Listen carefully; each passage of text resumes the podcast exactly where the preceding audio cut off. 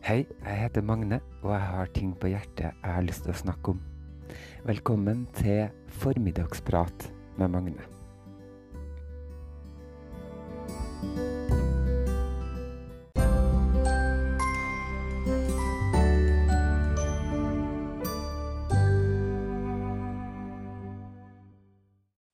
I dag tenker jeg på de underjordiske og på tussene.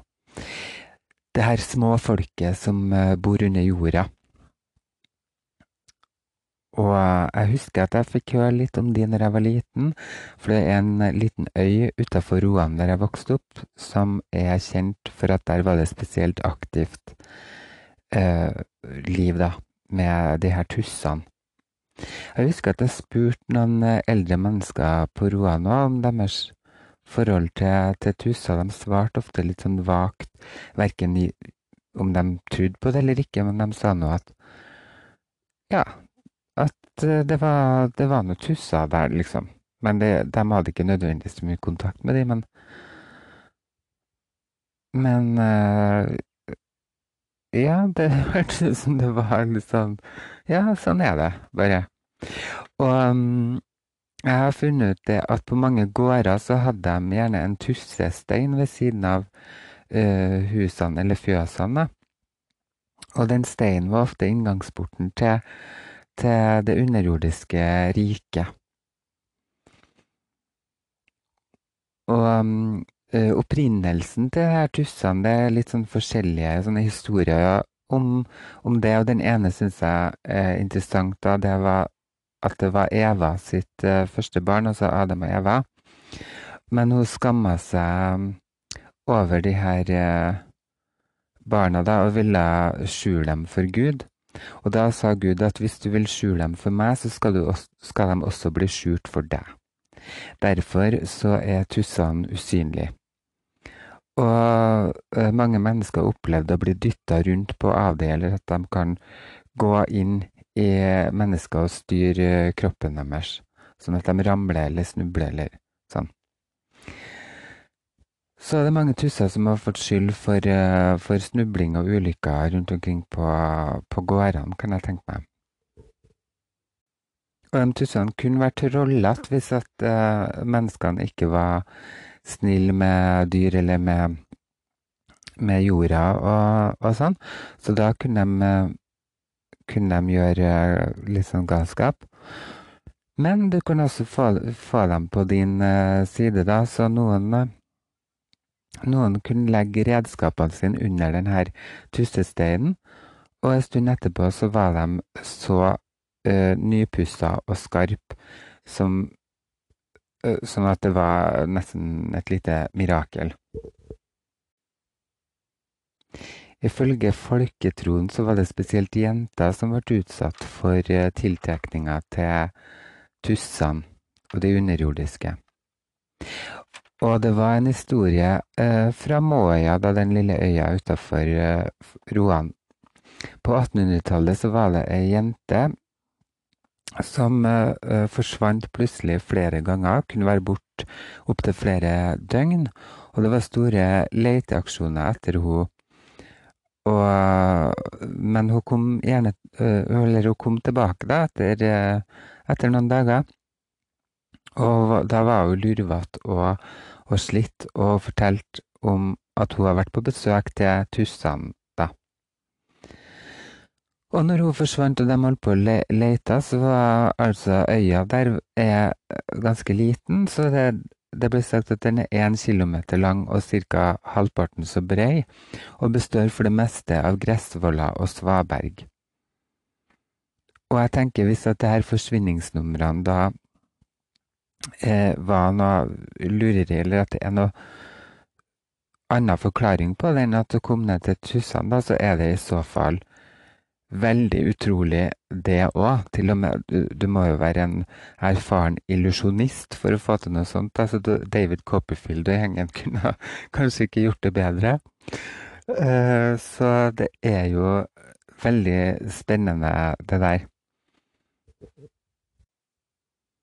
Det blir sagt at det er en prest som het for Clemet, som skulle uh, undersøke det her, da, og så var med hun jenta som heter Birgitta var med henne til den der tussesteinen som var ved siden av fjøset.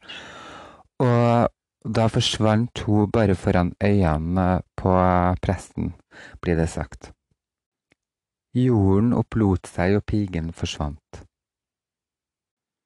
Og når hun kom tilbake, så fortalte hun altså om det her eh, møtene hun har hatt med de underjordiske, og sa at, var, at de hadde det veldig pent, men eh, maten deres var dårlig, sa hun.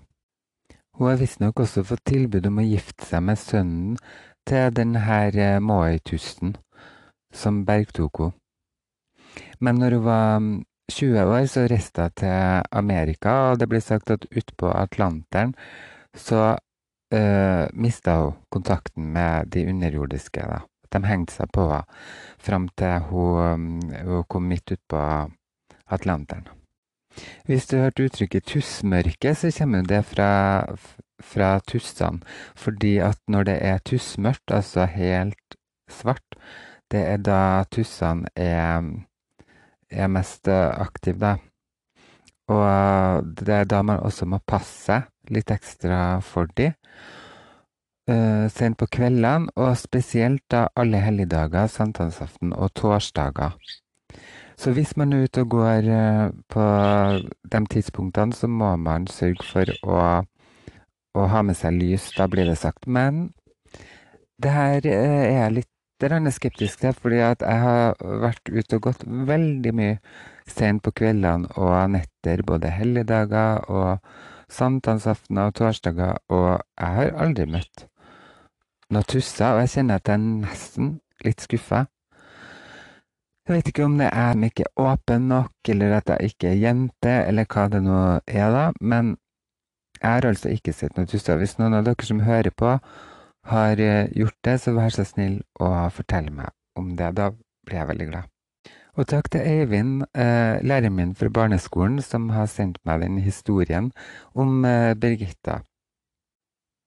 Pappa fortalte meg forresten en gang at han har vært på besøk til en kompis på Moya og skulle hjelpe ham å male et hus. Og da hadde han stått i en stige og, og malt, da, da han plutselig fikk høre tussene. Sa han, så han gikk ned fra stigen og gikk inn for å hente kompisen sin, da, men når de kom ut, så var det stilt. Jeg så forresten nettopp en film som tok for seg litt sånn overnaturlig tema, da. Eller ja, litt sånn underjordisk, trolsk. Den filmen heter Grens, eller Grensen.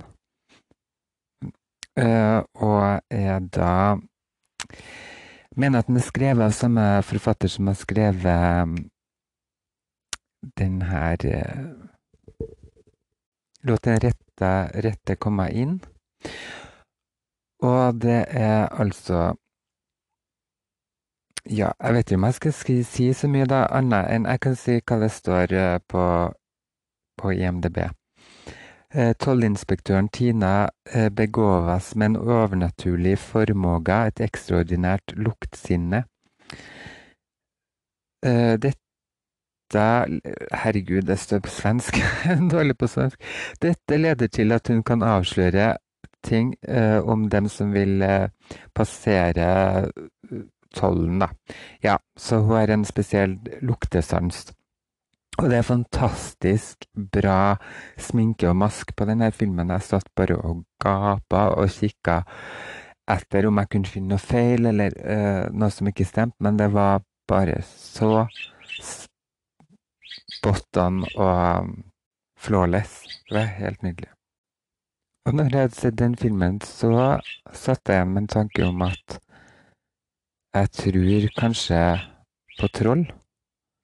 Ja, jeg er veldig åpen for å tro på troll. Ja, jeg mener faktisk.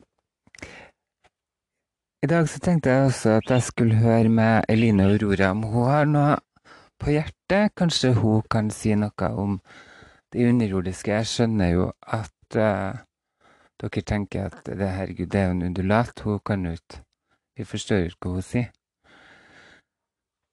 Nei, men uh, likevel. Hun har nå sitt språk, da. Kom, da. Hallo. Kom. Vennen, kom her. Nei, hun var visst litt stille i dag. Og blir litt skvetten av den der eh, mikrofonen, men hun kan få slenge inn noen kommentarer fra sidelinja, eller det gjør hun jo. Uansett. Ja, jeg vil bli bergsatt. Jeg vil finne ut hvordan det ser ut uh, til det underjordiske. Jeg vil det. Til slutt i dag så skal jeg um, lese et dikt for dere som heter Spøkelsespalasset. Kanskje det forteller litt om noe sånn uh, hvordan det kan se ut der til de tussene, tenker jeg, da. Det er skrevet av Edgar Allan Poe og gjendikta av André Bjerke. Her kommer altså Spøkelsespalasset.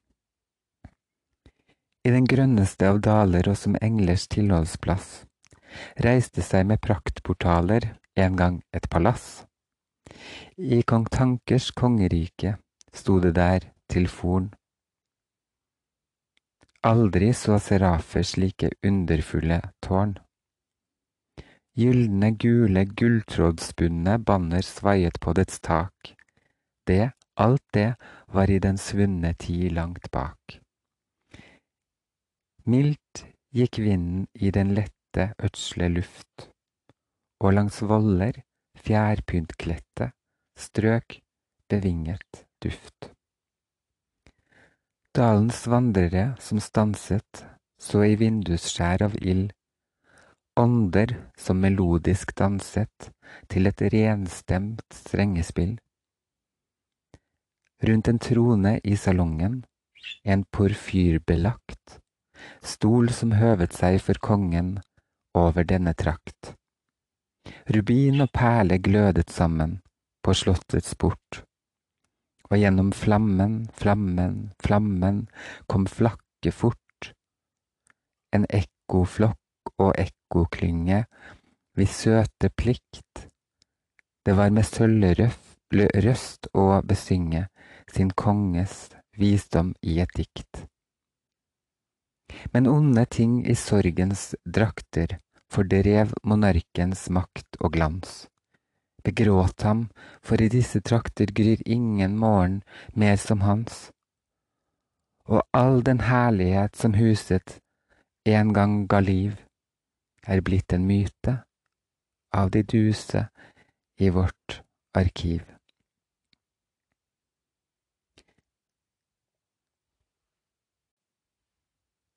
Hvis dalens vandrer nu vil stanse, står røde ruter for hans blikk, hvor han får se fantomer danse til grell og skingrende musikk. Fra porten strømmer atter atter, i hast og il, en heslig flokk som ler sin latter, men uten smil.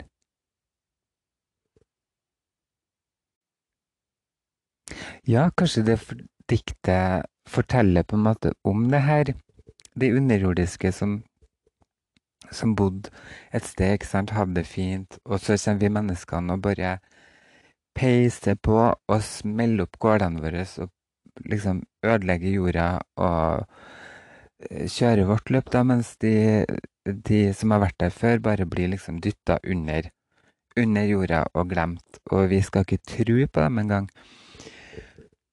Uh, ja, det tenker jeg når jeg hører det diktet der. Jeg husker jeg lærte meg en gang jeg var i Nord-Norge, jeg spilte teater, så var vi ute.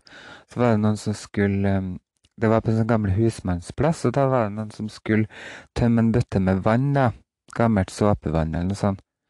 Ut, og da ropte hun 'Unni det som pund er', sa hun, og så tømte hun vannet. For det var viktig å si fra til det underjordiske at nå kaster du vann eller altså et eller annet da, ut, sånn at de har muligheten til å komme seg unna. Nei, nå skal jeg ut og gå meg en tur, og etter hvert så blir det jo kveld, og jeg skal ut og gå i kveld, og når det er mørkt Nå har det jo blitt utrolig mørkt om kveldene Det er jo torsdag. Da er det kanskje muligheter for at jeg får eh, kontakt med det underjordiske. Det skal dere få høre mer om seinere. da vil jeg bare takke for laget. Tusen takk for at du hører på. Uh, ha det bra.